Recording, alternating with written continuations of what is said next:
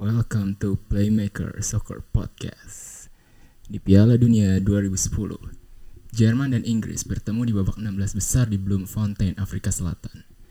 Sebelumnya di babak grup, uh, Jerman tampil cukup meyakinkan meski sempat dikalahkan secara mengejutkan oleh Serbia, namun mereka mengalahkan Austria 4-0 dan Ghana 1-0. Skuad Jerman sendiri diisi beberapa nama yang merupakan lulusan dari skuad umur 21 mereka yang menjadi juara Euro Under 21 setahun sebelumnya. Nama-nama itu di antaranya adalah Manuel Neuer, Jerome Boateng, Sami Khedira, dan Mesut Ozil. Dan kemudian ada juga satu anak muda yang mencuri perhatian berusia 20 tahun bernama Thomas Muller. Sebelumnya, sebelum Piala Dunia, tidak ada yang menjagokan Jerman akan melangkah jauh di uh, turnamen tersebut di Afrika Selatan. Bahkan pandit-pandit di Jerman sendiri meragukan skuad muda tersebut. Sementara Inggris ditangani oleh pelatih kelas dunia bernama Fabio Capello. Dan di atas kertas, Piala Dunia 2010 ini seharusnya menjadi momen puncak dari Golden Generation mereka yang terdiri dari Wayne Rooney, Frank Lampard, Steven Gerrard, dan John Terry. Hanya Rio Ferdinand yang tidak ikut karena dia cedera. Inggris terseok-seok di babak grup. Di pertandingan pertama, mereka seri satu-satu dengan Amerika Serikat karena blunder dari kiper Robert Green. Kemudian mereka seri lagi 0-0 dengan Aljazair. Beruntung mereka akhirnya menang tipis 1-0 atas Slovenia berkat gol Jermaine Defoe. Fabio Capello sendiri belum yakin dengan starting eleven-nya. Dia terus melakukan beberapa perubahan. Awalnya Gerrard dan Lampard diduetkan di tengah. Namun uh, akhirnya Gerrard digeser kiri dan Gareth Barry yang menemani Lampard di tengah. Awalnya Emil Heskey menemani Wayne Rooney di depan. Namun akhirnya diganti dengan Jermaine Defoe. Di belakang sendiri, tadinya Ledley King yang menemani John Terry, Kemudian sempat dicoba Jamie Carragher dan akhirnya menjadi Matthew Upson.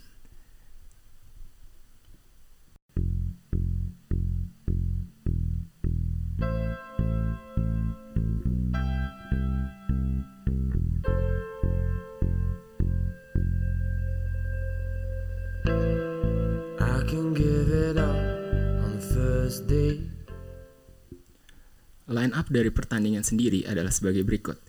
Jerman bermain dengan formasi 4-2-3-1, di mana Manuel Neuer menjadi penjaga gawang, uh, Philip Lahm bek kanan, Jerome Boateng bek kiri, bek tengah Per Mertesacker dan Anne Friedrich, dan yang menarik adalah mereka uh, menggunakan dua DM dengan Bastian Schweinsteiger dan Sami Khedira, dengan Mesut Ozil sebagai pemain nomor 10 yang sangat berbahaya.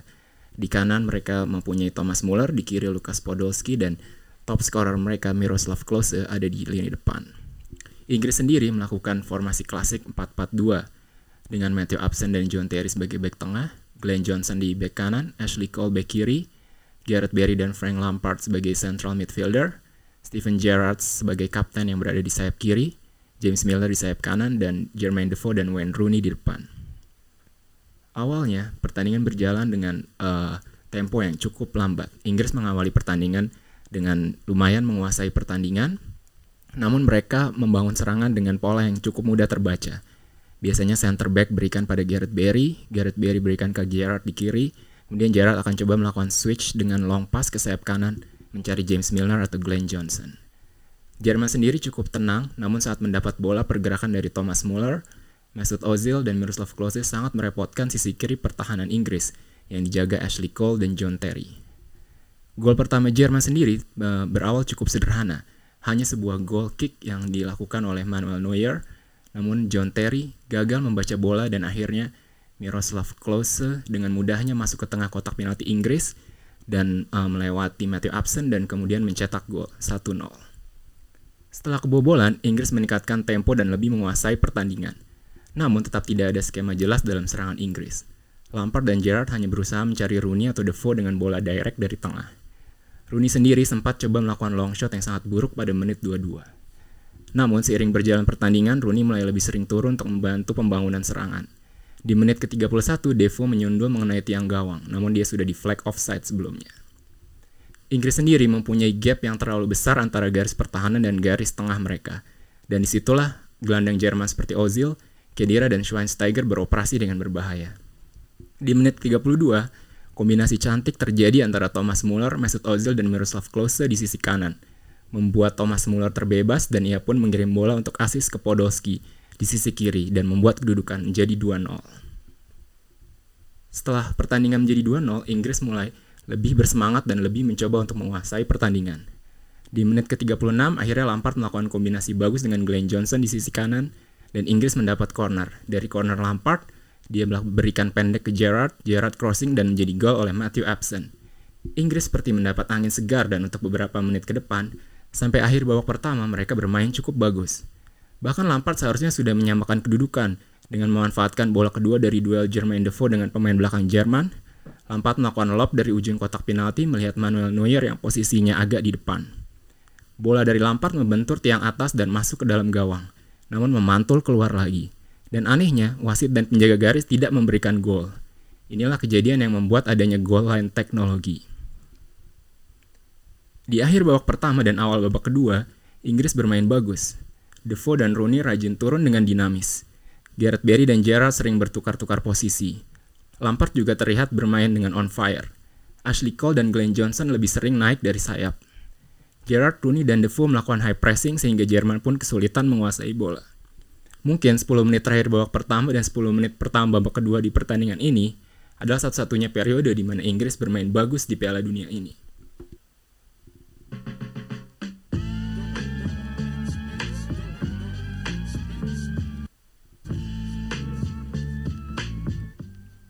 Di awal babak kedua, free kick dari Frank Lampard mengenai tiang gawang dari Jerman. Kemudian beberapa saat kemudian, hampir saja Inggris menyamakan kedudukan melalui Jermaine Defoe setelah Philip Lam melakukan back pass yang buruk. Namun, Manuel Neuer berhasil keluar dengan cepat dan membuang bola. Beberapa menit kemudian, James Milner mendapat peluang yang cukup baik, namun shotnya pun diblok oleh Jerome Boateng. Namun, Jerman bukannya tanpa balas. Dalam beberapa kesempatan, di mana Ozil bisa mendapat bola, terlihat bahwa pertahanan Inggris kesulitan dengan skill dribblingnya, kecepatannya, dan juga visinya, di mana ia selalu melakukan umpan pendek yang tak diduga, sering kali dengan kaki luarnya. Joe Cole masuk dan Inggris semakin asik menyerang. Di menit 66 mereka mendapat free kick di luar kotak penalti Jerman. Tendangan free kick dari Lampard diblok dan kemudian Jerman langsung melakukan counter attack.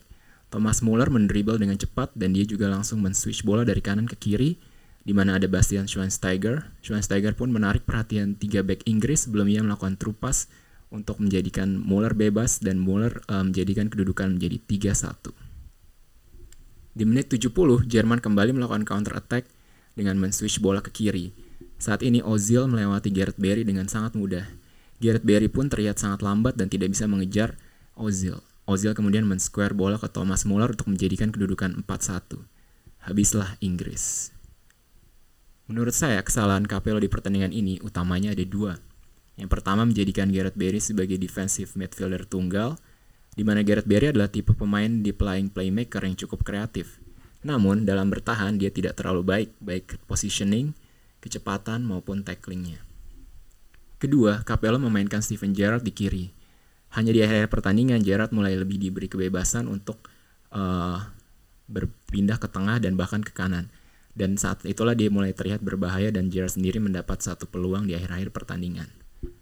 Menurut saya seharusnya Inggris mungkin bermain dengan 4-3-3 dengan Michael Carrick sebagai defensive midfield, kemudian Gareth Barry dan James Milner membantu di sampingnya.